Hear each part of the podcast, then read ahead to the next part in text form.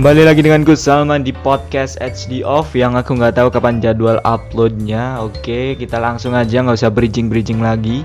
Hari ini aku mau membahas tentang netizen Indonesia yang barbar dan seperti yang kalian tahu Indonesia mendapatkan sebuah pencapaian yang kita tidak perlu banggakan yaitu netizen Indonesia di dunia mayanya itu sangatlah barbar se-Asia.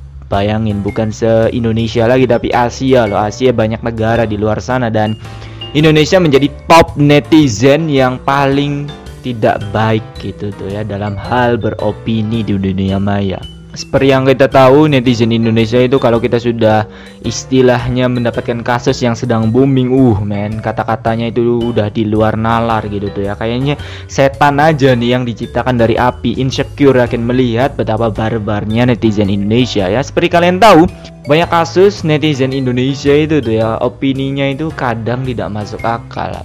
Aku ambil contoh kasus K-pop aja Sampai sekarang aja netizen Indonesia itu masih banyak banget memperdebatkan antara K-pop dan K-pop ya. Lain tidak lain adalah mengenai operasi plastik bla bla bla dan bla bla bla.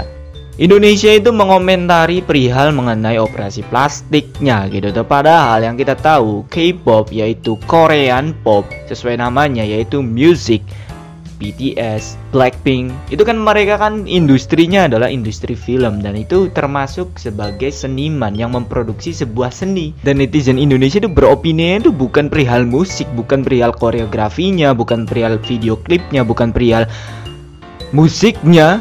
Mereka tuh beropini tentang fisiknya. Itu kan udah aneh banget gitu, udah out of topic banget gitu. Ya mereka seorang seniman yang kita kritik itu adalah sebuah seninya gitu kita bebas gitu beropini karena dia udah menciptakan seni gitu. Apakah musiknya jelek atau gimana? Kan itu kan tergantung selera. Tapi kalau kita sudah menghinanya itu terhadap sesuatu yang out of topic keluar jalur itu menurutku udah nggak respect lagi sih ya kan orang Indonesia gitu deh ya. Biasanya nih ya oknum itu sedikit. Ada oknum koruptor. Kan nggak semua orang di pemerintahan itu menjadi korupsi. Itu hanyalah sebagian yaitu oknum. Tapi kenapa mereka yang komentar barbar itu oknumnya itu lebih banyak gitu daripada orang yang biasa. Mungkin bisa dibilang lebih banyak sedikit lah ya gitu daripada orang-orang yang normal menurut maka jadilah gitu Indonesia negara terbarbar dari segi dunia mayanya gitu tuh ya. Miris banget sih yakin. Dan itu salah satu contoh kecil yaitu mengenai perdebatan K-pop gitu tuh. Dan ada lagi yang menurutku miris yaitu netizen Indonesia itu tuh ya adalah mengenai rasis. ya ini konteksnya netizen Indonesia yang barbar itu bukan hanya komentar ya. Dia juga ketika membuat video gitu tuh ya dalam artian kan ada aplikasi Ome TV gitu tuh ya. Ada salah satu youtuber gitu tuh ya dia tuh dari Papua sana gitu. Dan yang seperti kita tahu Papua dan Jawa itu memang perbedaan kulitnya itu sangatlah mencolok gitu tuh. Kita sawo matang mereka nggak hitam ingat Hitam itu kalian tahu ya spidol. Spidol warna itu hitam. Mereka tuh bukan hitam Tapi Apa ya nyebutnya ya? Cok. Ya mendekati hitam tapi bukan hitam Oke? Okay? kalau hitam tuh gelap banget gitu tuh ya Sampai-sampai kita nggak bisa ngelihat. Tapi mereka itu bukan hitam Tapi mendekati hitam Oke? Okay?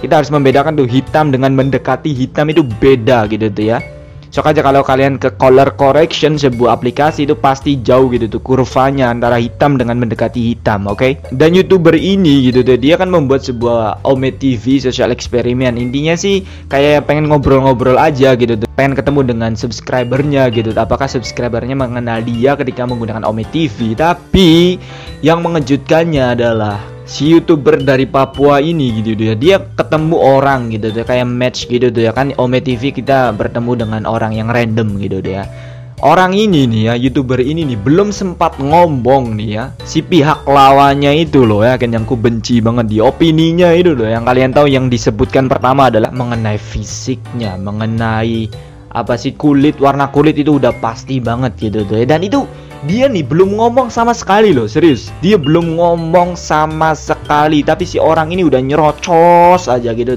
Dan setelah itu si youtuber ini bilang bahwa ini aku rekam loh. Aku akan upload di video dan kalian akan kena kasus loh. Terus dia langsung cabut coba. Itu mental-mental kerupuk banget gitu yang ketika kita kena tekanan itu langsung melempem gitu tuh ya. Emang dasarnya tuh beraninya lewat jarak jauh gitu tuh ya. Dan Aku yakin sih orang-orang seperti dia tuh beraninya cuma lewat jarak jauh aja, cuma lewat sosial media gitu ya. Ketika komentar yang menggunakan fake account, tidak menggunakan foto aslinya.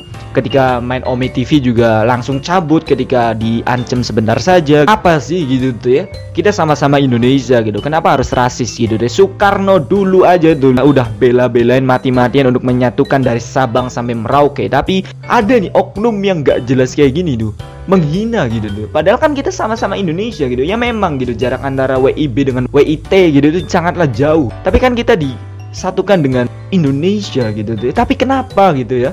Mereka tuh rasis men gitu tuh ya apa salahnya gitu? Kulit mendekati hitam gitu tuh orang sana gitu. Kenapa gitu? Spekulasi apa yang ada di pikiran kita gitu ya?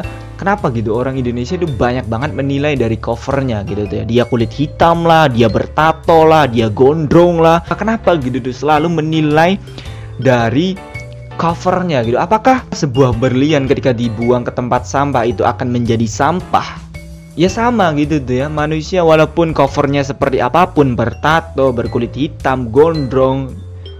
Tapi kan kalau hatinya baik masa kita ngejudge buruk gitu ya nggak sih?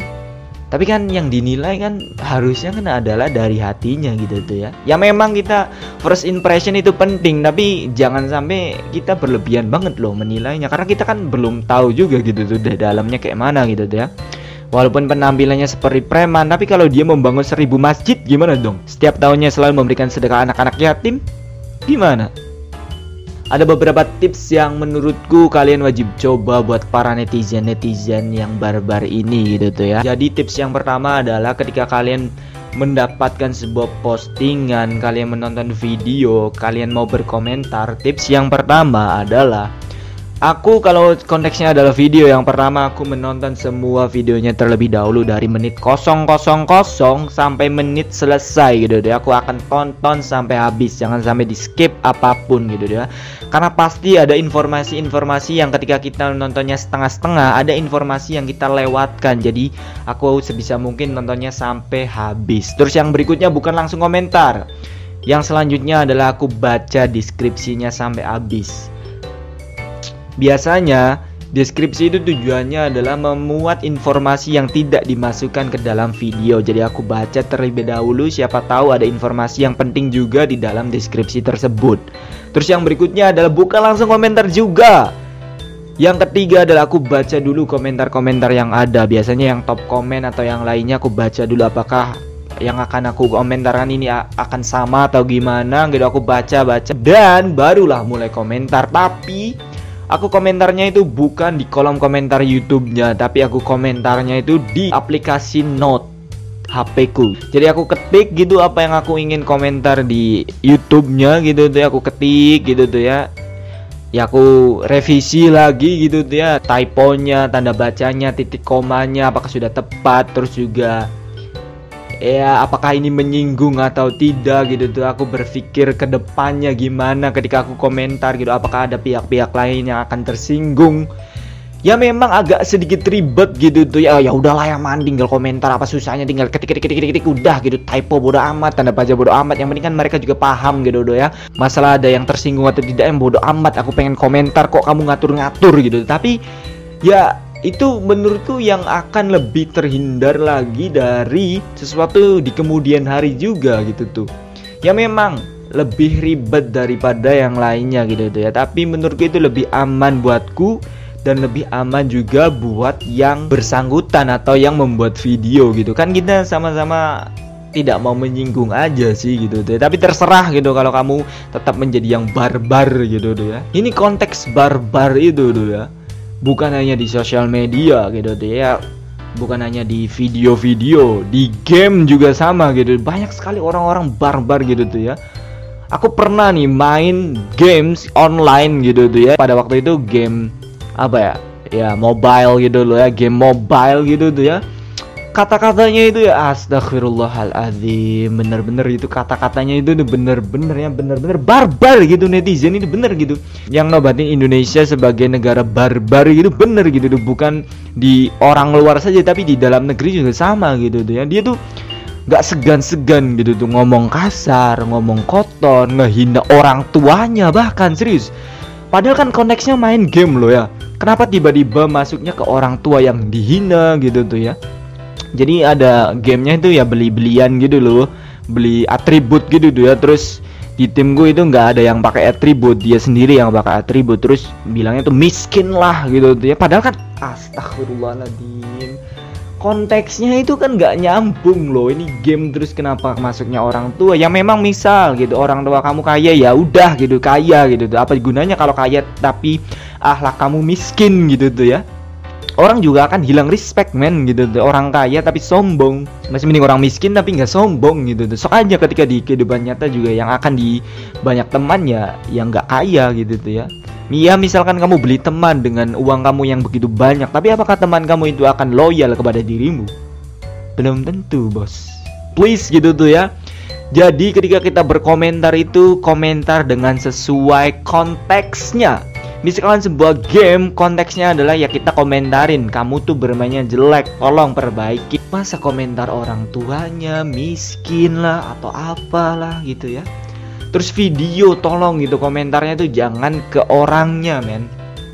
Misalkan video musik ya komentarin lah musiknya. Misalkan video dance nya komentarin lah dance nya jangan komentarin fisiknya lah dasar cebol mukanya jelek burik hitam. Itu kan out of topic banget nggak sih kebanyak orang kayak gini nih biasanya gitu tuh di dunia nyata tuh diem diem aja ya gitu. mereka itu ketika ditantang ngomong secara langsung itu ciut banget gitu mentalnya gitu tuh ya Padahal udah banyak banget gitu kasus ketika berkomentar terus diciduk itu banyak banget gitu tuh. Apakah mereka tidak menjadikan pelajaran supaya kita lebih bijak ketika menggunakan sosial media gitu tuh ya?